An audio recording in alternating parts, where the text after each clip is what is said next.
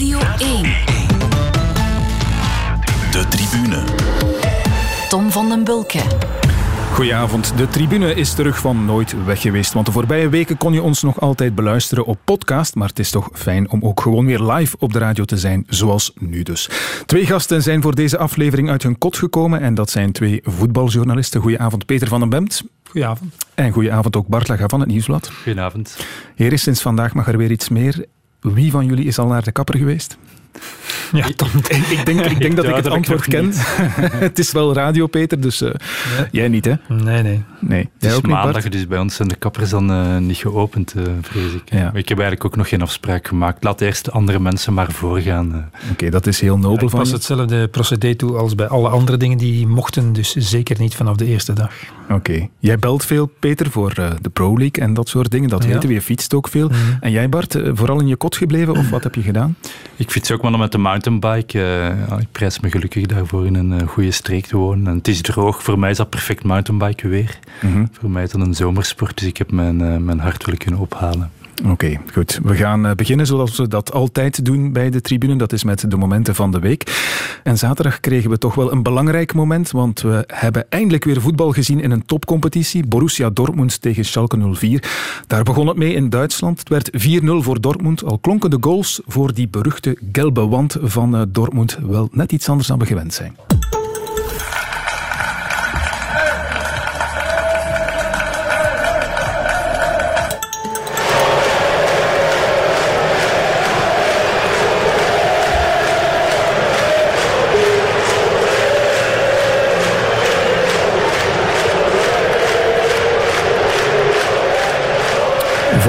Laatste was voor alle duidelijkheid bij een echt doelpunt in een vol stadion. Dat begin, dat was afgelopen weekend. Bart, jij hebt dit gekozen. Uh, wat vond je ervan?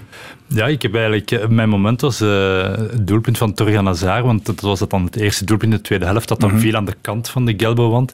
En dat hij instinctief, instinctief naar die tribune, die lege tribune liep en dan echt daar juichte. Achteraf zijn ploegmaats hebben bevestigd dat dat niet gepland was of zo. Een eerbetoon aan de supporters was gewoon ja, wat ze natuurlijk doen. En, en hij, herinnert, hij herinnert ons er daarmee aan waar het eigenlijk, eigenlijk altijd nog om gaat, om voetbal, om die, om die supporters en niet om, om al het geld dat er rondhangt. En wat ik dan ook vreemd vond was van ja, die Bundesliga die moest absoluut uh, hervatten, hè, want er gingen miljoenen, honderden miljoenen op het spel. Maar wat ik dan wel vreemd vind, als die tv-inkomsten dan toch zo belangrijk zijn, dat men er ook niet meer moeite in had gestoken om die beleving voor die tv-kijkers uh-huh. ook beter te maken. Om te beginnen met het geluid. Dus ik heb toch wel, uh, ja, ook we zijn hier ook in de radio, misschien uh-huh. dat we, eh, de tv-mensen zich toch wel moeten realiseren dat geluid toch wel een van de belangrijke zaken is om uh, in de gaten te behouden bij de, dit soort producties. Dat is voor radio niet anders trouwens. Heb jij de match uitgekeken? Wat vond je ervan van, van voetbal zonder publiek?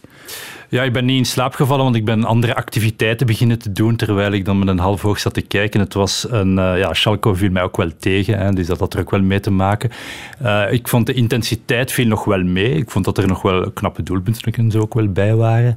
Um, ja, maar het is natuurlijk totaal onvergelijkbaar. Ik heb heel veel...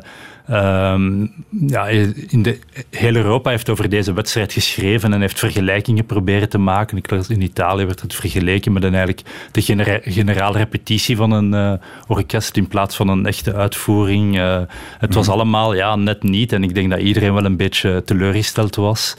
Um, maar ja, als je erover nadenkt van ja, hoe had het anders moeten zijn... Um, ja, voetbal heeft gewoon toeschouwers nodig. En dat is ja, nooit zo duidelijk geweest als nu na deze speeldag, denk ik. Jij denkt er ook zo over, denk ik, Peter. Ik las op uh, sportza.be dat je het maar één helft volgehouden hebt. En van uh, Gert... Nog ruim, maar ik ben zeker ja. hetzelfde beginnen doen als, uh, als Bart. Na verloop van tijd ben ik ook allerlei andere dingen beginnen doen op mijn computer. Dus nee, het spreekt mij niet aan. En het was zeker geen slechte wedstrijd. Dat is, dat is waar. Er vielen mooie doelpunten. Dus het was niet dat er niets te beleven viel, maar... Ja, dus alleen maar dat is toch, is toch niet genoeg. En... en ik vroeg me inderdaad af, ja, is er geen mogelijkheid, hè, wat Bart ook zegt, om uh, er toch een beetje ambiance onder te zetten dan, bij wijze van spreken. En ik kreeg vanmiddag telefoon van niemand minder dan Armand Schreurs, ja. die dat uh, gelezen had, dat ik dat zei. En die zei, ik herinner mij destijds, dus een jaar of twintig geleden, bij La Louvière, hij was daar eens voor een wedstrijd en het was hem opgevallen dat zelfs als de tegenstander scoorde, of als de spion, het spionkopje zal ik zeggen, van La Louvière niet zong, dat er toch voortdurend nog lawaai was. En hij was dus op zoek gegaan en iemand had hem daar verteld. Dat deden ze daar al. Dus door de boksen werd stadiongeluid van Lollivière, misschien opgenomen voordien, al gejaagd. Dus in 2000, zo laten we dan zeggen, deed dat al op Tivoli. Dus voilà. En uh, een klein, en ondertussen zijn de geluidsinstallaties toch een beetje geëvolueerd. Dus mhm. dat moet kunnen. Ik kan me vergissen, maar heeft A-agent ook niet zoiets gedaan? Bart, weet jij dat misschien? Een soort versterking. Of, jij een versterking van wat er... Wat er want dus het moet wel geproduceerd worden in het stadion en het wordt ah, dan versterkt. Ja. Vandaar dat ze zo'n geweldig thuispubliek hebben. Maar ook, ik, eh, als je bijvoorbeeld naar een wedstrijd uh, in pre-coronatijden in Spanje kijkt, het geluid van Spaanse supporters is anders dan bij het juichen van een doelpunt, Spanjaarden die maken een veel dieper, uh, misschien omdat er meer gerookt wordt, ik weet niet wat de reden is, maar dat valt me keer op keer op. Het ja, ja, in Spanje is anders dan...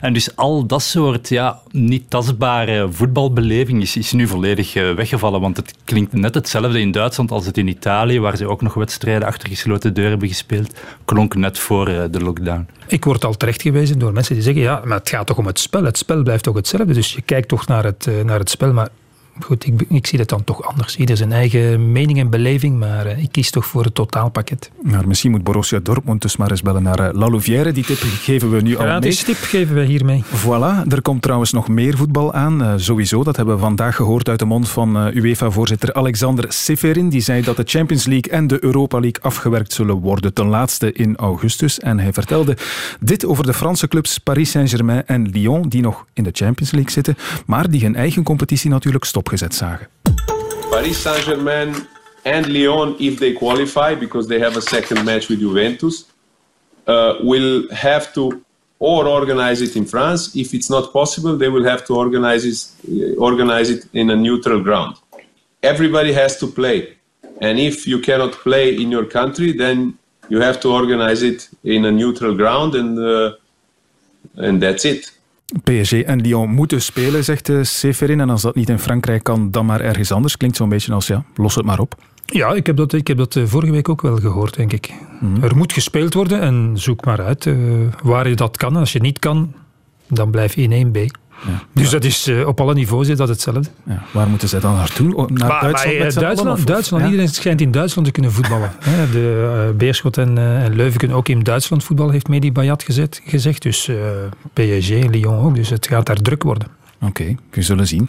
Maar het is inderdaad zo dat uh, aan de rechtenhouders uh, UEFA ook gegarandeerd heeft, dat lijkt me toch uh, sterk dat ze mhm. dat garanderen, dat het huidige seizoen, hè, zullen we nog altijd zeggen, zal worden afgewerkt op een of andere manier. Misschien in een verkorte vorm of in een eiltempo, maar ze garanderen dat.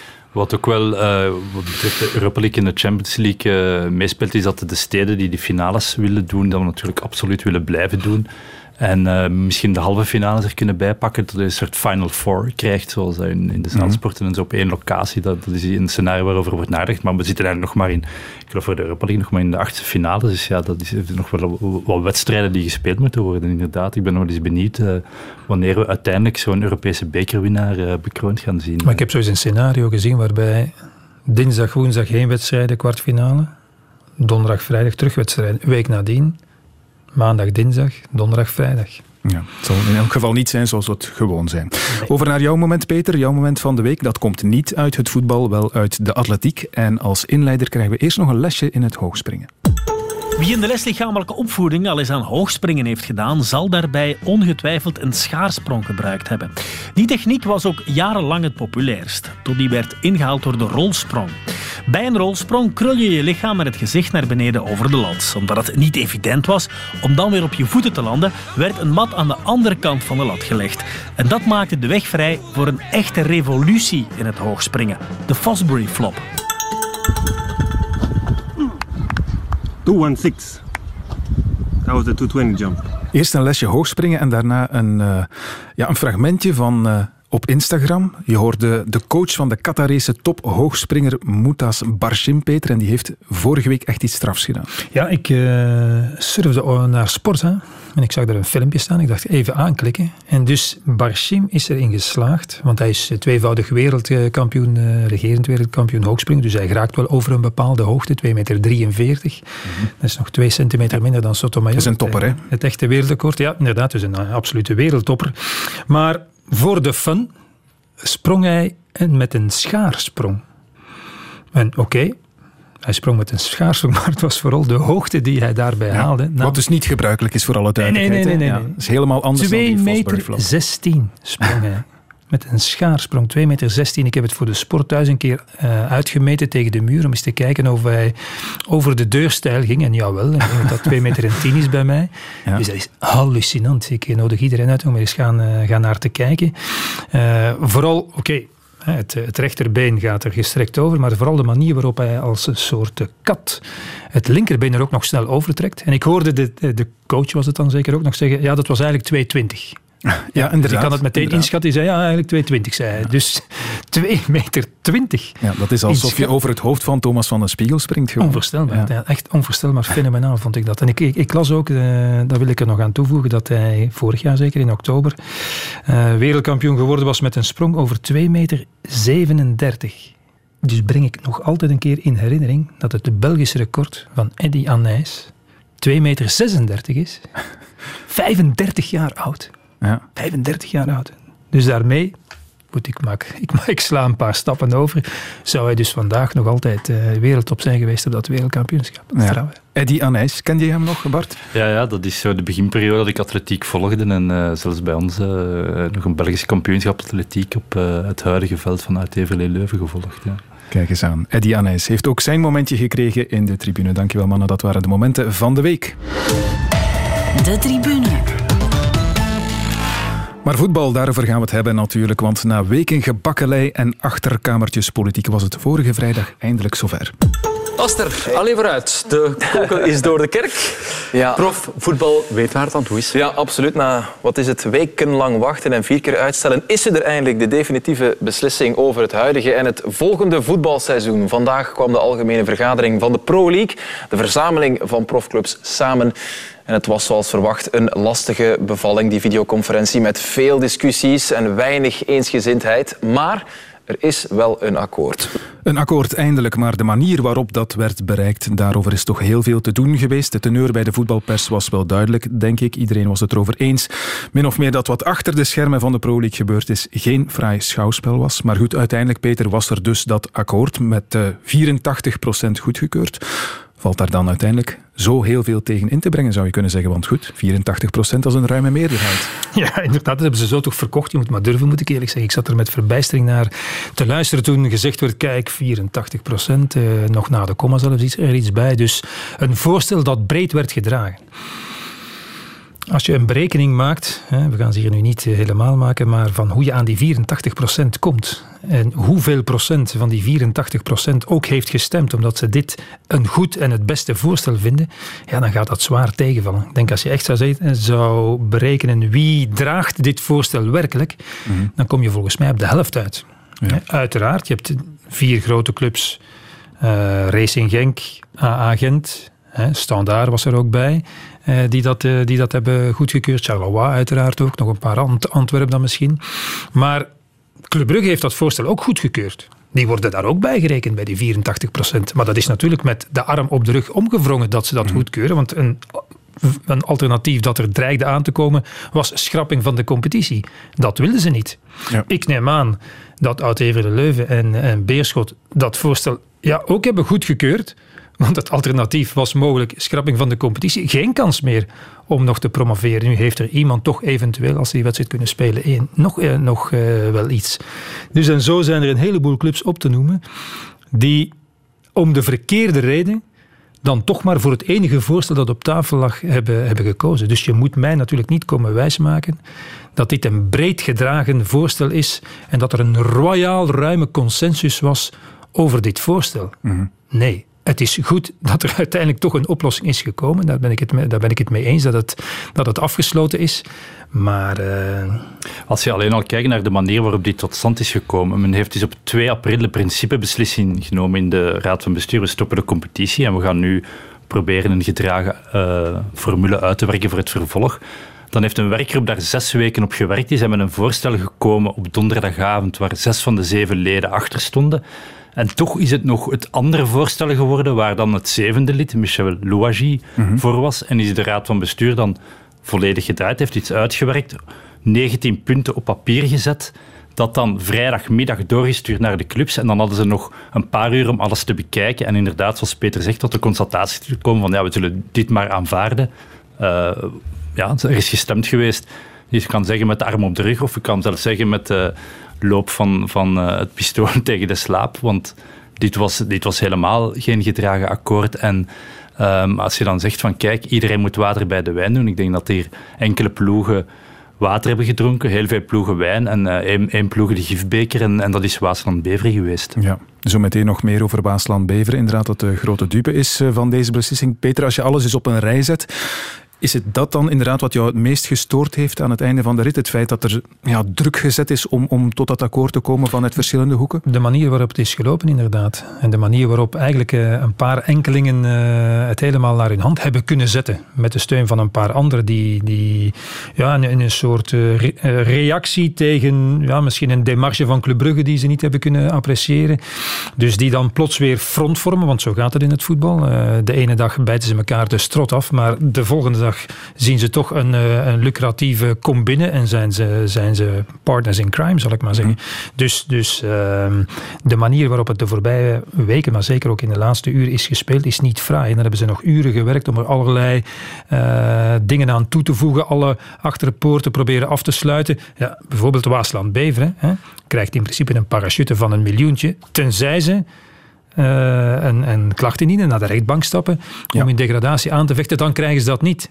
Welk, hoe moeten we dat soort praktijken eigenlijk noemen? Als iemand wordt, wordt belet om ja, misschien zijn, zijn uh, gelijk nog te halen op een andere manier, terwijl het op een niet correcte manier is gebeurd. En ik vind, ja, ik vind dat uh, het voorstel wordt verkocht als het sportief meest logische. Ja, daar kan ik kop nog staart aan krijgen natuurlijk. Ja. Want ik ben het niet eens met het feit dat als je, dat als je zegt, als je vindt dat Club Brugge kampioen is, dan moet Waasland-Beveren ook zakken. Nee, want de ene, het ene is een beloning die Club Brugge toch al voor, voor 90% eh, zelf had afgedwongen. Het andere is een straf. Ja. En de kans dat Waasland-Beveren zich ging redden op de laatste speeldag was bijna onbestaande, bijna onbestaande. Maar er zijn natuurlijk nogal gekke dingen gebeurd in het voetbal. En vooral ik vind dat je zo'n zo'n bestraffing moeilijk kan opleggen. Hetzelfde geldt voor uit Leuven en Waasland en, uh, en uh, Beerschot. Bart, jij schreef op eh, Twitter dat het leiderschap van het Belgische voetbal nooit zwakker was. Leg dat eens uit. Wel ja, als je kijkt naar de voorzitter van de Pro League, is Peter Kronen. Dat is nu de man wiens club, uh, ja, uh, ik stel ook alleen maar vast, het meest royaal bediend wordt uit het zogenaamde Solidariteitsfonds. Ehm, daar ik, ik, heb een hoge dunk van Peter Kroon. Ik denk niet dat hij puur voor zijn club heeft gereden, maar daar zie je al een probleem dat dat eigenlijk heel moeilijk is om je als voorzitter boven het, het krakeel van de clubs te zetten. En uh, dan denk ik wel dat hij toch iets meer zijn nek had mogen uitsteken voor het akkoord van de werkgroep, het, pardon, het voorstel van de werkgroep, dat toch zes op de zeven mensen gedragen had, dat hij bij de raad van bestuur toch iets meer op tafel had moeten kloppen en zeggen van kijk, dit is wat de meerderheid van, van de clubs willen. Hè, want, die, want die mensen van de werkgroep vertegenwoordigen ook de totaliteit van, van de Belgische clubs. Ja, als hij dan zo makkelijk uh, de stekker eruit trekt na, uiteraard, hè, we, hebben het ook allemaal beschreven, Medi Bayat hier dan op is beginnen doorgaan, Bruno Venanzi, hè, de man uh, op Sclessin hangen de tribunes vol met anti-playoffs. De man die altijd voor uh, eh, 18 ploegen wilde gaan, die nu ook ineens akkoord gaat. Um, als je ziet dat Anderlecht, Karel van Eetveld, steunt het voorstel met 18, maar op de vergadering zelf, Mark Koeken, dezelfde club, gaat dan ook ineens opnieuw voor die 16 gaan. Mm -hmm. Ja, dan, dan zie je dat er eigenlijk weinig leiderschap is. Uh, het enige leiderschap dat er is, is eigenlijk een, een kleine club, waar ook Pierre-François, de CEO, mee, mee deel van uitmaakt. Van, uh, clubleiders uit de G5 die gewoon die werkgroep maar rondjes laten draaien, zes weken aan een stuk, zeven keer laten vergaderen, om dan uiteindelijk toch aan te sturen op wat, wat zij eigenlijk willen. En dat noem ik dus een gebrek aan leiderschap. En ik kan het doortrekken naar de voetbalbond, omdat dat, die geleid wordt door Medi. En dat is misschien ook nog iets dat we moeten zeggen. 1,25 miljoen in het solidariteitsfonds dat nu dus zal worden verdeeld, gaan ze nog gaan halen bij de voetbalbond. Maar dit is heel onduidelijk welke middelen dat zijn. Dus dat is, de Pro League gaat dat nog even uit de zakken gaan kloppen van het voetbal. Het zal niet makkelijk zijn, want Peter Bossaert uh, heeft toch al herhaaldelijk eh, gezegd dat alle gelden al zijn eh, geallokeerd. Dus uh, besteed voor, bepaalde, voor bepaalde, ja, voor allerlei dingen, vooral voor, voor het bouwproject in. Ja, maar hij zal worden teruggefloten voor de Raad van Bestuur en de voorzitter is daar ook weer mee, Bayat, dus daar is de Pro League ook weer sterk. En dan stel ik mij de vraag, ja kon dat geld niet naar amateurclubs gaan? Hoeveel, ja, die zien toch veel meer nog af. Niet in absolute bedragen, maar wel in uh, relatief bedragen nog door de, door de corona. Die moeten straks toch ook testing gaan doen als die weer bij beginnen trainen. Kan, kan, kunnen daar geen middelen naartoe gaan? En, kijk, als, je, als we het nog eens hebben over die meerderheid. Hè, als je natuurlijk een, uh, een stemmenverdeling hebt, waarbij de grote clubs drie stemmen hebben. Hè, de kleine al maar twee en de nog kleinere maar één stem. Ja, en je hebt eigenlijk een voorstel dat wordt uitgewerkt, helemaal op het lijf geschreven van de grote clubs, hè, met hun play-offs en hun extra inkomsten daar. Ja, dan is het ook weer niet zo moeilijk om een grote meerderheid te halen natuurlijk. Ik zeg er meteen bij, het omgekeerde heeft ook niet gewerkt. Hè, want er was een periode dat iedereen één stem had. Zowel Eupen als Anderlecht, bij wijze van spreken. Ja, dat werkte ook niet. Want elke evolutie, elke poging tot vooruitgang werd dan weer gedwarsboomd door, de, door het conservatisme van de kleine clubs. Dus dat dus dat werkt ook, niet. En dat moeten we nu ook zeggen, Peter, dat inderdaad, we kunnen wel wijzen naar de invloed van die grote eh, mannen als een Medi Bayat of, of of wie dan ook. Maar het zijn ook de kleine clubs inderdaad die dan weer schrik aangejaagd zijn van uh, ja, OHL en Beerschot komen erbij waar wel wat kapitaal achter zit, uh, meer kansen om te dalen. En dan, ja, dan kijkt men niet verder dan de eigen club. En die K11 is ook heel snel uit elkaar gespeeld geweest. En heeft in deze onderhandeling ook heel weinig binnengehaald. Hè. Wat zit er voor die clubs in? Ja, ja, het afschaffen van play-off 2, dat voor hen verlieslatend is. Maar is dat dan de grote winst dat die ploegen sinds april niet meer gaan spelen? Stel je nu eens voor dat Anderlecht daarbij is, want die zijn toch negende geëindigd. Dan zouden die in dit systeem, is het alleen de achte die, dan zouden Anderlecht geen wedstrijden meer hebben vanaf april zouden de rechtenhouders dat zo leuk vinden. Dus er zijn toch nog heel veel rare gevolgen aan die we eigenlijk nog niet echt geanalyseerd hebben aan, aan dit akkoord dat er heel plots uh, is gekomen. Ja, en dat de, dat de competitie mogelijk ook herleid wordt tot 14 clubs. Blijkbaar is dat ook nog niet doorgedrongen bij, bij de K11 of hebben ze niet meer de tijd gehad om dat na te lezen. Want dat lijkt mij ook in het nadeel van die clubs die daar nu mee, maar mee akkoord zijn gegaan. Mm. Ik vind dat op zich wel een goede zaak, voor alle duidelijkheid. Ik vind dat er veertien clubs moeten zijn in, in de hoogste klasse, maar dat kleine clubs die bang zijn om over drie jaar eventueel bij de laatste drie te zijn, daar dan wel mee akkoord gaan. Want dan kan het heel snel gaan natuurlijk. Hè, dat ze niet meer sluiks de plaats kunnen innemen van een uh, economische daler eventueel. Dus. Ja. Eén daler kennen we nu al dus, dat is uh, Waasland Beveren. En Dirk Huik, de voorzitter, sprak gisteren in de zevende dag.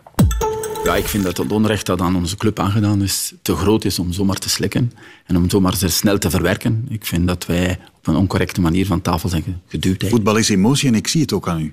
Ja, uiteraard is emotie. Ik denk, moest het nu twee weken vroeger geweest zijn, en dat komt perfect, want er zijn landen in lockdown gaan vroeger dan ons, dan had Cerke Brugge gedegradeerd. Had dan had natuurlijk die hier gezeten. Dat het Uiteraard had die hier gezeten, maar dan hadden wij die ook absoluut gesteund. Waasland Beveren zou Cercle gesteund hebben. Het is nog maar de vraag of we dat moeten geloven natuurlijk na al deze weken van hypocrisie. Maar heeft Waasland Beveren uh, echt een punt, heeft het recht van spreken? Want het is al gezegd, um, de degradatie op sportieve manier afwenden, dat was bijzonder moeilijk geweest. Ja. Ik moet zeggen, met de emoties van Dirk Huik heb ik sinds zijn uh, opvoeringen vorig jaar voor allerlei commissies... Uh, of maak ik toch een beetje voorbouw bij, voor alle duidelijkheid. Mm -hmm. ja. Maar zoals Club Brugge kampioen ging spelen, ja, was Waasland Beveren wel uh, mogelijk de zwakste club van, uh, van vorig seizoen. Dus dat daar sportief niet zoveel tegen in te brengen is, vind ik wel. Alleen ja, je kan het niet zomaar ineens uh, beslissen, vind ik.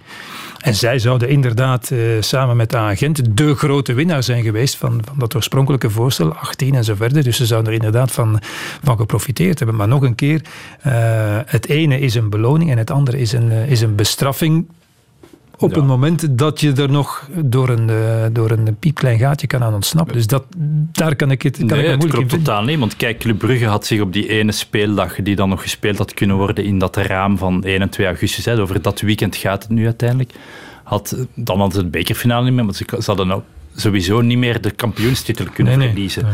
Maar Waasland Beveren had zich nog altijd een kans om zich te redden en die kans wordt hen ontnomen. Dus het is duidelijk dat ja. dat er iets niet klopt. En 1B moet dan wel spelen, dus mm -hmm. ja, dat, dat, klopt natuurlijk helemaal niet. Ja.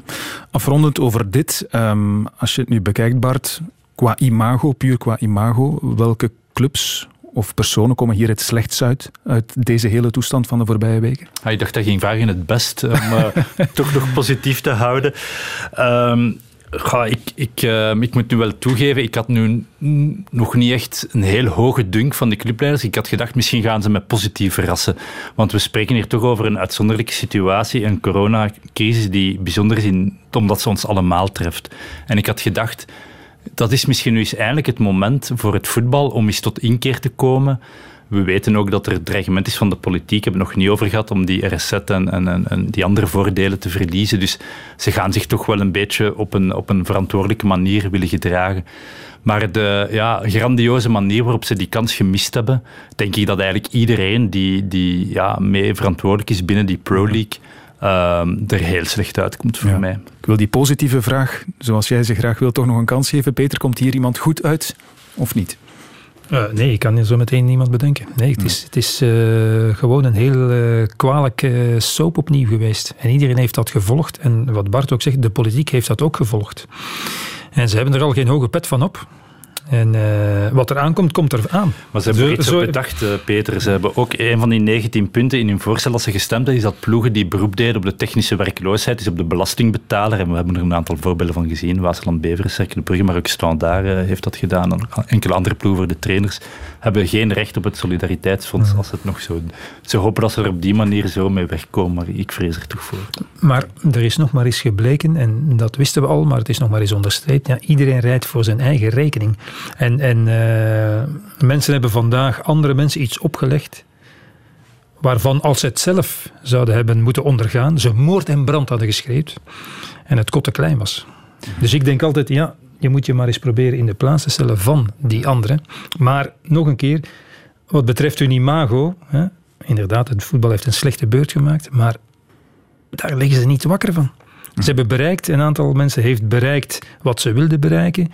Ze hebben, ze hebben geld binnengehaald. Ze hebben de competitie afgesloten zoals ze dat willen. Ze hebben hun systeem kunnen behouden. Dus ze zijn gewoon tevreden. En dat er wat gemopper is in de marge, of dat uh, wij daar hier opmerkingen over maken, dat is het minste van hun zorgen. We hebben een poll gedaan bij het Nieuwsblad. Wat is de geprefereerde competitievorm? 80% wil geen play-offs. Maar ja, enkele ploegen uh, willen dat wel. En, en zij zitten in de, in de machtspositie en hebben het uh, doorgedrukt. En dus krijgen we volgend seizoen opnieuw play-offs. Die competitie van nu is stopgezet. En zo is ook de kampioen officieel bekend. De tribune. Club Brugge heeft zijn zestiende landstitel te pakken en heeft dat gisteren gevierd met zijn supporters.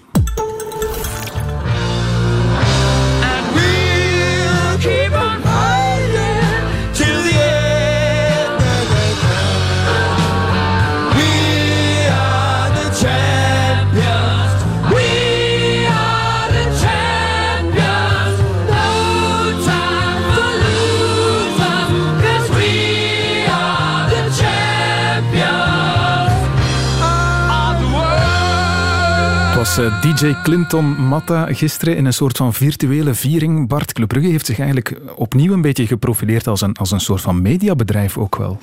Ja, dat klopt. En dat is een beetje een verafspiegeling. Uh, als we het dan toch over media hebben, van wat we, hoe het in de toekomst in het voetbal zal gaan, ook met het nieuwe contract van Eleven, want zij hebben net de clubs ook gecharmeerd met dat soort ideeën om de clubs eigenlijk zelf content te laten maken. Um, of dat altijd uh, goed is, weet ik niet. Ik denk dat dit nu wel een leuk voorbeeld was van Club Brugge. En Clinton Matta heeft echt wel een roeping als DJ, uh, ook na zijn carrière. Uh, alleen aan zijn zangkwaliteiten kan iets gedaan worden, maar dat hoort ook wel bij een ja. kampioenenviering. Maar vanavond was er ook een uitzending voor, door Standaard die een exclusief interview met de eigen voorzitter had, had kunnen regelen. En ja, ja, dan stel ik me toch wel de vraag, wat is dan de journalistieke meerwaarde als je ja, je eigen voorzitter gaat interviewen? Mm. Um, dus uh, ja, het is, het is interessant om te zien. Maar Club Brugge inderdaad is wel een pionier op dat vlak. Ja, het is, uh, goed, dat van gisteren is een uh, verhaal apart uiteraard. Maar het is wel een kwalijke ontwikkeling natuurlijk. Dat, en dat is niet alleen in België, dat is in het buitenland nog veel meer. Dat clubs de regie van hun communicatie helemaal in handen willen houden. En liefst alleen maar interviews geven. ze de pers minder nodig natuurlijk. Liefst interviews geven aan, ja. aan de eigen mediakanalen. En, en, en, gefilterd en allemaal een, een, een langgerekte goed nieuws show uiteraard. Ja. En dat dat bestaat, naast het gewone journalistieke werk, dan heb ik daar op zich geen probleem mee. Daar mag ook eh, dat soort van, eh, van communicatie zijn. Maar als het natuurlijk komt in de plaats van, als Bruno Venanzi alleen maar spreekt voor Standaard TV mhm. en niet voor de, voor de reguliere media, ja, dan is dat een enorme verarming. En dan gaan we naar een soort censuur. We mogen dat woord toch gebruiken van, uh, van de pers. Zo eenvoudig is het. Voor alle duidelijkheid, bij Club Brugge is dat niet het geval, want ik heb gewoon Philippe Clement kunnen interviewen en alle vragen kunnen stellen die ik wenste. Maar goed, ja, het ja. Club Brugge is kampioen, alles is positief, hè, maar die standaard heeft zich nog wel we zijn het al vergeten, maar die, hebben zich, ja, die zijn tot de afgrond moeten gaan uh, voor het BAS uh, om hun licentie veilig te stellen. Er zijn toch heel wat vragen bij te stellen. Wie heeft hen gered? Wie zat er achter dat geld? Wie zat achter het geld van Witsel, Fellaini? De, de gezichten die staan daar nu, nu redden. Hoe gaat het verder met de club? Die dat zijn niet de vragen. niet gesteld worden, denk ik, in dat interview. Ik, ik heb dat toch begrepen, dat, uh, dat, er alleszins toch geen uh, interessante antwoorden op zijn gekomen. dat geloof ik. Goed, het seizoen van Club Brugge, wat was daar nu het hoogtepunt van? Dat mocht de voorzitter Bart Verhagen gisteren zelf vertellen. Deze Champions League-campagne was toch wel bijzonder. Je speelt tegen twee grote ploegen in Europa. Opnieuw uh, zijn de Real Madrid, dat misschien ja, een van de grootste, of zo niet de grootste ploeg in de, wereld is. Je weet dat je daar dan uh, in het machtige Bernabeu-stadion naast de voorzitter van Real Madrid mag zitten en bij de rust 0-2 voor staat ja, dat is wel even uh, slikken. Maar goed, je gaat daar finaal met 2-2 weg. Maar ik weet aan de rust, bij de 0-2, zei de voorzitter van Real toch tegen mij jullie hebben een verdomd goede ploeg en uh, jullie doen ons pijn. En ja, dan ben je wel fier dat je dat kan realiseren met Club Brugge. Real Madrid, Club Brugge, lijkt alweer een eeuwigheid geleden op dit moment, maar dat was dus wel degelijk dit seizoen. Volgend seizoen, Bart, zijn de ambities uiteraard opnieuw heel hoog of heel groot bij Club Brugge. Mm, gaat er veel bewegen op transfervlak, denk je? Ik denk het wel, al, al, al, is het maar omdat Club Brugge ook wel aanvoelt dat zij in een historisch sterke positie zijn. Anderlecht staan daar, uh, staan daar hebben we daarnet besproken, maar Anderlecht ook heeft financieel heel, heel lastig. De coronacrisis verergert dat nog. Um, Club Brugge is ook een, een, een, ploeg die ook wel leeft van inkomsten uit transfers, dus gaat dat ook wel voelen. Van de andere kant gaan zij toch proberen om, uh, zeker de sterkhouders die ze nu hebben, uh, langer te houden. Er zal ook wel sowieso mm, allicht minder interesse zijn voor, voor jongens als Hans van Aken, Simon Mignolet. We kunnen er wel van uitgaan dat die blijven. Um, ja, en ik, ik, verwacht wel dat ze toch uh, een aantal jongere spelers gaan halen. En, en uh, misschien Dennis Diatta zouden kunnen worden verkocht. Dat geld hebben ze nodig. Hopelijk krijgen ze er nog een, een, serieus bedrag voor.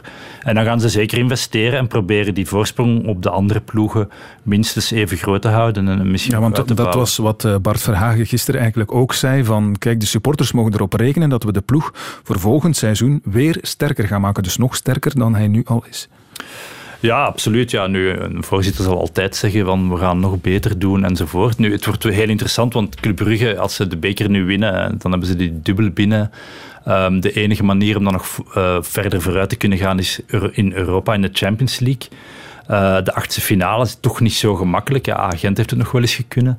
Maar Club Brugge, ja, uiteindelijk het was een mooie campagne. Ik heb ook wel genoten bij momenten. Maar uiteindelijk hebben ze toch maar ja, drie punten gehaald. Dus het was nu ook niet zo uh, dat ze op een haar na de achtste finales hebben gemist. Uh, het had anders kunnen lopen, zeker en vast. Maar uh, het, hangt, het, zal heel hard van de loting afhangen of ze echt uh, sportief die lat in de Champions League hoger kunnen leggen. Um, maar goed, ze werken onmiskenbaar goed. Ehm, en eigenlijk ja, moet het een spiegel zijn voor veel andere clubs waar vooral heel slecht wordt gewerkt. En ik denk dat daar de uitdaging ligt eh, voor de uitdagers van Club Brugge van probeer maar eens erachteraan te gaan. En het is ook die achtergrond die verklaart waarom er zo onderhandeld is geweest over dat geld. Hè. Men gunde Club Brugge alleen maar de titel als het... Uh, afstond uit zijn Europese inkomsten van, van uh, dit seizoen. Is het recht, Peter, vind je dat er inderdaad een uh, serieuze hap uit dat Europese geld dat Club Brugge verdiend heeft om in de Champions League te kunnen spelen, naar andere clubs gaat. Of dat terecht is, bedoel je? Ja. Ik vond wel dat daar kon over gepraat worden, dat vind ik dan weer wel. Of de verdeling erover correct is, dat is dan weer een andere vraag. Want ja, het ging dan over compensatie en solidariteit. Die twee begrippen werden wel een beetje door elkaar gehaald natuurlijk. Um, en, want als je ziet wat er dan uiteindelijk overschiet voor de kleinere clubs, die dat, uh, als je dan toch hebt over een soort bijdrage om corona het hoofd te bieden, ja, met die 200.000 euro die ze dan uiteindelijk hebben opgestreken of iets in die aard, zal het, uh, zullen niet al te veel springen natuurlijk. Maar uh, wat Bart zegt is juist. dus er moest, er moest per se betaald worden. uh, door, door Club Brugge. Eventueel ook nog door, door agenten, want het mm. bedrag is nog variabel. Hè. Het hangt er vanaf. Als ze allemaal in de poelenfase geraken, dan zal onze clubs Europees mogen spelen. Want dat is ook nog niet helemaal zeker natuurlijk. Afhankelijk van wat UEFA beslist, dan loopt het op tot een miljoen of zeven, denk ik, die pot. maar ik denk dat de gebeurtenissen van de voorbije week Club Brugge nog eens extra op scherp hebben gezet. Want ze hebben uiteindelijk geen commentaar meer gegeven daarop. Toch niet on the record.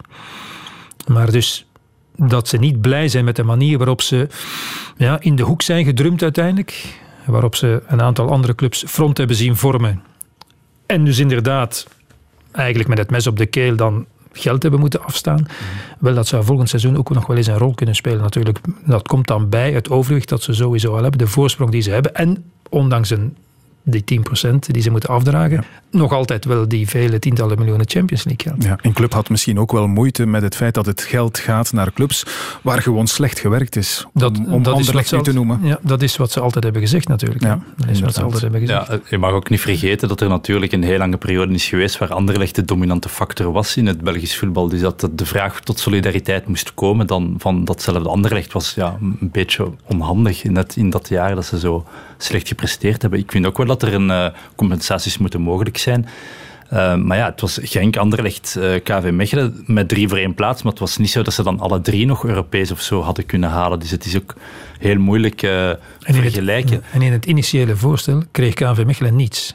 Want die mochten al blij zijn dat ze in eerste klasse konden spelen. Want eigenlijk was dat onterecht. Dat soort redeneringen is er ook gevoerd natuurlijk mm. onderweg. Goed, we hadden het over transfers bij Club Brugge, Bart. Wat wel opvalt de voorbije jaren is dat er heel veel geslaagde transfers geweest zijn bij Club. Dat percentage is, is vrij hoog als je het zou berekenen, denk ik. Valt dat ergens te verklaren? Het zullen niet allemaal toevalstreffers geweest zijn. Zeker beter dan in de beginjaren uh, van het tijdperk uh, vragen, waar inderdaad wel eens uh, vaak iets te veel werd betaald voor te matige spelers. En ik denk dat ze nu beter beter aanvoelen wat de juiste prijs is. Uh, en, en ook al eens durven heel veel neer te leggen. Uh, ook niet alleen in transferbedrag, maar ook in loon. En denk aan Simon Mignolet, mm dat dan niet zo'n goedkope operatie was, maar uiteindelijk wel een heel slimme investering uh, in de toekomst. Ze, ze, weten ook perfecte profielen aan te trekken die ze willen hebben. Dat vullen ze dan aan met die typische ja, snelle flankspelers die eh, à la Diatta, maar, maar ook in het verleden Limbombe, eh, Izquierdo, die ze dan met, voor altijd mooie uh, meerwaarde kunnen verkopen. Dus er zit echt een heel goed idee achter. En dan investeren ze in de as die heel stabiel is, waar dan Van Aken ook eh, een, een, mooie contractverlenging heeft gekregen. Ik heb nu gezien dat Mechelen nu ook langer kan blijven. Dus, en er komen nu ook enkele jongeren aan. Dat zal mij zeer benieuwen wat de kwaliteit gaat zijn van de jeugdacademie van Club Brugge. Um, en ja, op alle niveaus wordt er op dit moment goed gewerkt. En qua transfers, ja, ook weer kan je zeggen dat het is het percentage zo hoog? Ja, ik denk dat bij enkele andere clubs ook uh, een beetje heel laag is geweest uh, op dit moment. Wie er vertrekt bij club, dat weten we nog niet. Alhoewel, één man zal er in elk geval niet meer tussen lopen volgend seizoen. En dat is deze man. Een Baye Diagne wil de bal niet afgeven aan Hans van Aken. Clément zegt... Clément, dat is toch de, de, hoofdtrainer, hè? Ik dacht dat dat de baas was, maar blijkbaar niet voor... Niet voor Diagne. Nu hoop ik voor hem man, dat hij hem niet man, mist. Man. De aanloop van Dianje. En hij mist hem. Hij mist hem toch wel zeker. Dianje mist hem. Hij moet nu vervangen worden, denk ik dan. Hij moet nu vervangen worden. Schrijver staat klaar. Niet te geloven. Dit is tof. Dit is tof voor na de wedstrijd. Onwaarschijnlijk dat uh, een trainer wordt genegeerd, een aanvoerder wordt genegeerd, omdat je voor eigen succes gaat. Mijn glazen van mijn bril barsten. Dat was Tom Boudewil over een Baye Diagne tijdens die uh, beruchte Champions League-wedstrijd in Parijs. Diagne, uh, Bart, hij stond zelfs niet op de kampioenenfoto die club gemaakt had. Is er, heeft hij dan zelf een mouw aangepast vandaag op Instagram? Ja, hij is er dan uh, in geslaagd om de, waar Philippe Clemens foto stond, dan zijn eigen gezicht over te plegen. Maar eigenlijk moet ik wel zeggen van ja... Um, ja, ik, ik, kan wel sympathie opbrengen voor zijn gebaar in die zin. Ik, hij heeft toch vier competitiedoelpunten gemaakt. En om dan helemaal niet op die affiche te zetten, ik vond dat je hem toch nog misschien in een klein hoekje of zo mm. een plaats had. Ook al weet ik natuurlijk dat hij een heel, heel slechte invloed was en alle spelers, de hele kleedkamer kan zijn bloed drinken. En ik denk dat Philippe Clement er ook goed aan heeft gezet hem uit die selectie te houden. En we hadden het over transfersie. Het was dan toch een mindere operatie. Hij werd gehuurd maar aan een heel hoge huurprijs. Mhm. Dus dat was dan toch een iets mindere zet. Maar goed, ja, als je dan inderdaad hem die toch ja, vier doelpunten heeft gemaakt, niet bij die kampioenenploeg rekent. Dat ook, dan ook niet de belangrijkste doelpunten. Nee, nee, het was, ik herinner mij. de belangrijkste. En op uh, Zultuarium geloof ik dat hij dan ook nog eens de eerste vijf ja, grote vijf, kansen had gemist, vooraleer dat er dan toch eentje in. Maar, maar goed, wel, ja. het is wel goede humor, vind ik. Dat moeten we wel nageven. Ja. vind ik nu wel goede humor. Zijn bijdrage op het veld is beperkt geweest, maar ze gaan hem niet uh, snel vergeten. Nee, nee zeker in knokken niet schijnt dat hij daar ook wel wat uh, heeft mispeuterd, zo hier en daar. De tribune. Er zijn nog wel meer spelers die we volgend seizoen niet meer zullen terugzien op onze velden. Vooral bij Antwerpen lijkt er veel te zullen veranderen aan de ploeg. Antwerpen werkt aan vernieuwing voor volgend seizoen. Na het vertrek van doelman Sinan Bolat is beslist om ook het contract van Laszlo Beleuni niet te verlengen. Het uh, zijn niet de meest rustige tijden op de Bosuil. Zeker niet voor de supporters, Peter, denk ik. Want Sinan Bolat weg, Kevin Miralas weg, uh, Wesley Hoed weg. Dat zijn toch wel niet de minste. De trainer ook weg. Maar laat ons misschien met de, met de spelers beginnen. Ja, uh, Miralas, ik denk niet dat dat een verlies is. Mm Met grote trom aangekondigd. Zou een goed contract hebben gekregen. Maar die heeft zeer teleurstellend gepresteerd. En ook nog eens balorig geweest. Bolat vind ik wel een enorm verlies was toch een van de steunpilaren de voorbije drie jaar van die, die revival van, van Antwerpen. Lag ook goed, straalt wat uit. Was, was weer de beste Bolat eh, van in zijn, van in zijn periode bij Standaard. Maar oké, ja, waar dat dan fout loopt, dat, eh, dat weet ik niet precies. Dus je moet toch nog altijd een andere doelman vinden, Belg, van hetzelfde niveau. Is toch... Er is er al eentje, een uh, Iraanse doelman. Ja, van hetzelfde niveau. Nee, ja, dat, dus, valt uh, misschien, misschien, misschien, is hij een betere doelman, maar dat lijkt me toch geen, geen evidentie. Wesley Hoed is ook een krater achterin, maar oké, ik denk niet dat, dat, dat je dat Antwerp kan aanwrijven. En 8 was miljoen moest die kosten nu om hem eh, definitief te houden. Dat was veel eer een opportuniteit. Waar ze een jaar van hebben geprofiteerd van een speler die in principe uh, voor een Belgische club moeilijk haalbaar is. En die ook eigenlijk elke keer, en naarmate het seizoen vorderde, steeds vaker aangaf dat hij weer klaar was om op een hoger niveau uh, te gaan voetballen. En Beleuni, denk ik, dat we toch een beetje aan het einde van een cyclus waren. Ik had dat eerlijk gezegd vorig jaar al het gevoel. Dat leefde ook in de kleedkamer. Het is, ja, het is een aparte figuur in de kleedkamer, zeer veel eisend. Aparte manier van omgaan met, met de spelers. En dat was, uh, dat was redelijk zwaar. Dus dat dat nog eens een jaar toch ja, zeer behoorlijk heeft, uh, heeft gefunctioneerd. Ja, was voor mij al, een, uh, al bepaald een, een verrassing. Dus ik denk dat er intern toch uh, gezegd is dat uh, een extra jaar, Beleuni, vier jaar, dat dat misschien net, net iets te veel was. Dus daar kan ik mij op zich wel iets bij voorstellen. Maar het belangrijkste... Moet nog komen. Moet nog komen. Het contract van Mbokani. Mbokani. Ja. Ja, die zou ik wel proberen te houden, eerlijk gezegd. En natuurlijk kan het zijn dat hij in oktober geblesseerd geraakt en niet meer op niveau eh, geraakt. Want ja, hij wordt ook elk jaar een jaar ouder natuurlijk, zal dan 35 uh, gaan worden. Maar uh, als je de vraag stelt aan 100 mensen. Wie was de belangrijkste speler van Antwerpen? Dan antwoorden er toch 101 mm. Ja. Dus als je en Bolat en Mbokani en achterin ook goed, Ajik contract moet ook nog verlengd worden. Ja, dan is het wel veel in één keer, denk ik. Maar dat er na een bepaalde periode een beetje een opfrissing komt van de kern, dat is op zich niet het, uh, niet het grootste probleem. Nee. Een Bocani wil uh, Bart per se een contract van twee jaar. Ja, dat, is, ja. dat is het knelpunt blijkbaar. Hè? Luciano Donofrio doet dat niet graag. Nee, en, en ik denk uh, een deel van het verhaal van Antwerp is ook de, de manier van zaken van Luciano Donofrio. En hij, hij is gewoon niet zo heel buigzaam en hij, hij gaat ook niet zo heel snel... Uh, spelers één, twee of drie kansen geven of verschillende voorstellen doen. Hij doet een voorstel en als het dan niet aanvaard wordt, dan is het vaak oké, daar blijft het dan bij wat een Bocani betreft. Hij is al wat ouder, één jaar. Ja, is, is, is wat, wat ze hem hebben voorgesteld.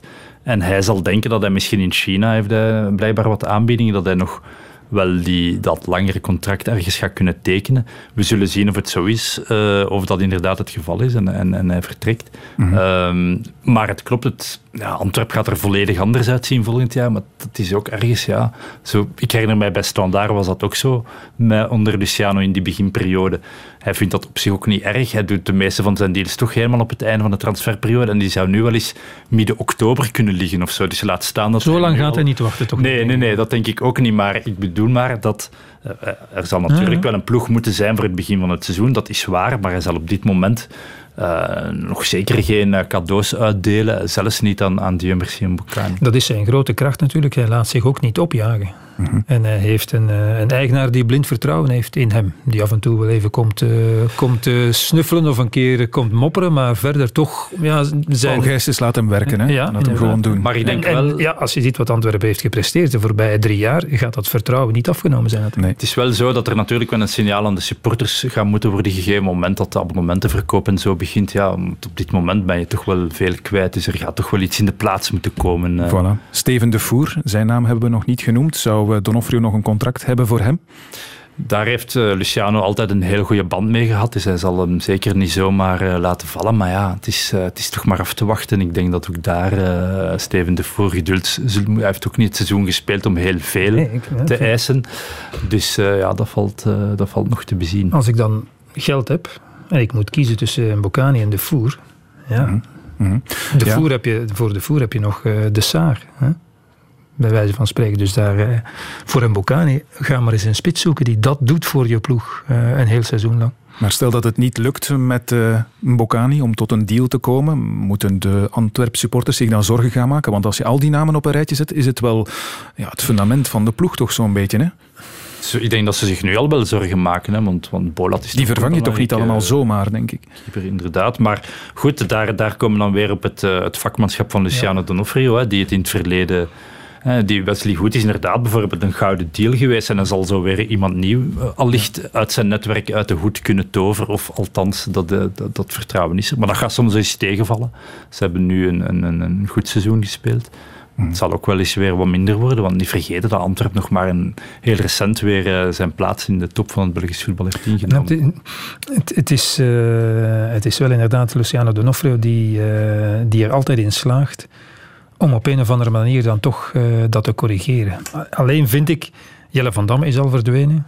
Je hebt nu Sinan Bolat, je hebt een Bocani. Het zijn toch een beetje de uithangborden van Antwerpen. Ja. Die stonden wel ergens. Die, die, uh, maar, maar de filosofie van Luciano Donofrio, uh, ik heb standaard vroeger gevolgd in, in zijn periode, was altijd van de, de clubleiders moeten de club leiden, de sponsors moeten sponsoren, de supporters moeten supporteren en de spelers moeten spelen. Dus hij past er ook wel voor op dat bepaalde, als een speler status verwerft, dat hij ook niet te veel nood op zijn Die niet groter worden dan de club. En ik denk dat daarom Jelle van Dam misschien ook eens moeten vertrekken. En, en ja, en denk Bolat ik herinner mij ook Dante in der tijd, waarvan we toch mm. over eens zijn een fantastische speler was. Die werd stiefmoederlijk behandeld. Die heeft nooit veel geld verdiend op standaard. Altijd maar kleine contracten gekregen tot hij finaal weg was.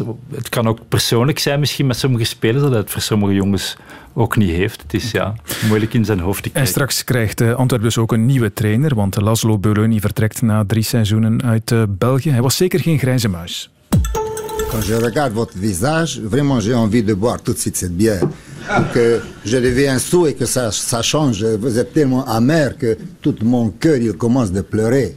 Parce que ça, si quelqu'un dit que un buteur, il faut apprendre comment il faut marquer le but, ça devrait être un journaliste. Dernière question, ça va pas être facile de relever la tête très vite pour euh, le week-end déjà. Vous savez, euh, c'est pas moi, c'est le Dalai Lama qui, qui dit et que pour tomber, c'est compréhensible. Mais de ne pas lever la tête, ça c'est une grave erreur. Het laatste was in een interview met jou, Peter Laszlo Beuloni. Soms ja, volgens venijnig. mij na de nederlaag de uitschakeling tegen AZ. Inderdaad, tegen AZ. Uh, soms venijnig, soms grappig. Gaat het Belgische voetbal hem missen? Dat denk ik wel. Uh, ik ben zeker niet altijd een grote fan uh, van Beuloni. het is, soms is het inderdaad geestig. Uh, goed gevonden. Soms is het ronduit cynisch, is het uh, denigrerend tegenover een tegenstander, tegenover journalisten, uiteraard zou ik bijna zeggen. Maar goed, uh, dat, leggen we nog, dat leggen we nog opzij. Dus het zijn, zijn, zijn gedrag langs de lijn, het, het verongelijkt zijn, het, het beschuldigen van scheidsrechters, van, van trainers, collega's enzovoort, vond ik vaak beneden alle pijl. Maar uh, wat het allerbelangrijkste is, het is natuurlijk wel iemand die een resultaat uh, kan, kan uh, spelen. Iemand die met een ploeg iets kan bereiken op zijn manier, die misschien niet de moderne Jurgen Klopp manier is van de big hugs overal de hele tijd. Maar... Ehm, ik vind wat hij met Antwerpen gedaan heeft op, op zeer korte tijd. Een ploeg die toch uit eh, de tweede klasse kwam, die ja, samengebracht is dan. Hè, want er schoot niet zoveel meer over van die eh, kampioenenploeg. Ja, dat vind ik wel heel strafwerk over drie jaar van, van Laszlo Beleun. Dus daar verdient hij wel, verdient hij wel uh, applaus. En dat het inderdaad een zeer kleurrijke figuur is, mhm. daar zijn we het allemaal mee eens. Alleen uh, mensen die elke keer weer dat super grappig vinden, ja, die kijken natuurlijk alleen maar op televisie naar die ene quote die ze dan zien van Beleuni, zien niet wat eraan vooraf gaat, zien de context niet en zien al de rest niet. Dus dat is net iets te makkelijk. Ja. Worden er al uh, namen genoemd, Bart, om uh, hem op te volgen? Mark Wilmot zal het blijkbaar al niet worden, maar of ze daar nee, in Antwerpen op zaten te wachten, dat weet ik niet. Hij had dus een interview gegeven aan RTBF, dacht ik, waarin hij zei van ja, als ik terugkom... Uh, naar Wilmots, hè? Ja, Wilmots. hij, hij sloot Antwerp daarin uit, wat ik toch vreemd vind in zijn situatie zou ik Antwerp dan op, op dit moment toch zeker niet uitsluiten als je een ploeg zoekt als trainer. Dus Behalve als je weet dat je daar geen enkele ja, kans dus maakt. dat doet mij toch besluiten dat er al uh, duidelijk is geworden dat hij het dan toch niet kan zijn. en dat hij dus op deze manier wil duidelijk maken... Dat is de enige reden toch? Dat hij het zo gezegd zelf niet wilde. Um, dus Wilmots dan niet, neem ik aan. Uh, en op standaard zal het toch Mazou zijn als Michel Prudhomme uh, besluit om geen trainer meer te zijn. Wat zou kunnen, hè? Weet niet. Dat is dat zo? Kan dat? Dat zou kunnen, ja. Dat, ja. dat, denk ik wel. Dat is niet aan de orde op dit moment, voor alle duidelijkheid, of wel? niet concreet nu. Het is, Ik zeg niet op basis van informatie. Ik heb voor alle duidelijkheid. Maar, maar mijn aanvoelen zou wel eens kunnen zijn dat, uh, dat hij denkt, hm, ja, het is goed geweest. En uh, we weten allemaal dat uh, Moji Bayat ook in de bestuurszetel zit daar op Sclessin. Dus dan is de link gauw gelegd, denk ik. Ja. Overigens ging het gerucht maar het is ook maar een gerucht dat hij gesignaleerd was in het. Een paar dagen geleden. Mazou. Kijk eens aan. Maar je kan allerlei dingen doen in Luik. Maar op Sclessin toch al niet, niet te veel. nee, dat is waar. Nu we toch over trainers bezig zijn, afrondend. Deze man heeft uh, vorig weekend beslist om definitief met pensioen te gaan. Dus luister wie het is. Dit is voor u het zoveelste interview in uw carrière. U heeft er ontelbare gegeven. Wat is in uw herinnering de bekendste of de raakste quote die u gegeven heeft? Ja, de raakste is natuurlijk met 90 Hè. Dus vond ik, uh, vond ik nog ook nog terecht ook nog. Ik vond niet dat ik gelogen had. Maar je gaat niet van een nationale ploeg naar een club. Dat besef is er nadien gekomen. George Lekes herkenden we uiteraard, Peter. Wat moeten we onthouden na zijn lange carrière van George Lekes? Die gezucht. Nee, nee uh, ik vind wel dat je dat. Uh, en ik heb toch een paar reacties gelezen van spelers die met hem gewerkt hebben. En dat is dan uiteindelijk toch het, eh, het belangrijkste, zou ik zeggen. Dat is toch de lakmoesproef. Hè. Eh, Gert Vrijen en, en eh, Frankie van der Elst, dat zijn toch geen, geen onnozelaars. Wel, die hadden toch respect voor, voor de manier waarop ze met George Lekes hebben kunnen werken. En, en iedereen kent de defo's van George Lekes. Iedereen wist dat, wat hij vertelde, dat je dat vaak met een korrel zout moest nemen. Hij sprak ook altijd heel omstandig en heel wollig. Zij niet altijd evenveel. Maar als je zo'n lange carrière hebt gehad, als je toch nationale ploeg hebt getraind, vaak inderdaad wat hij zei, uh, twee of drie keer op dezelfde plek hebt gewerkt, ja, dan uh, is het toch best oké geweest, denk ik. En, en zijn grote kwaliteit was uh, volgens mij inderdaad niet een topclub naar grote successen leiden, maar, maar middenmotors boven zichzelf doen uitstijgen en beter presteren middelmatig is misschien een pejoratief mm. woord, maar mindere spelers beter doen presteren dan ze, dan ze eigenlijk zouden kunnen op basis van hun kwaliteiten. Dus daarvoor verdient hij toch na zo'n lange carrière best wel eh, veel respect, vind ik. Zo zitten we in de laatste minuut van deze uitzending van de Tribune alweer. Ik weet nog graag waar jullie deze week naar uitkijken, Bart. Wel, ik las vandaag dat Koen Kasteels Jean-Marie Pfaff heeft bijgehaald in een aantal wedstrijden in de Bundesliga. En nu, dit weekend, uh, speel ik tegen Dortmund en Haaland. Wordt er misschien een leuke confrontatie. Oké, Peter?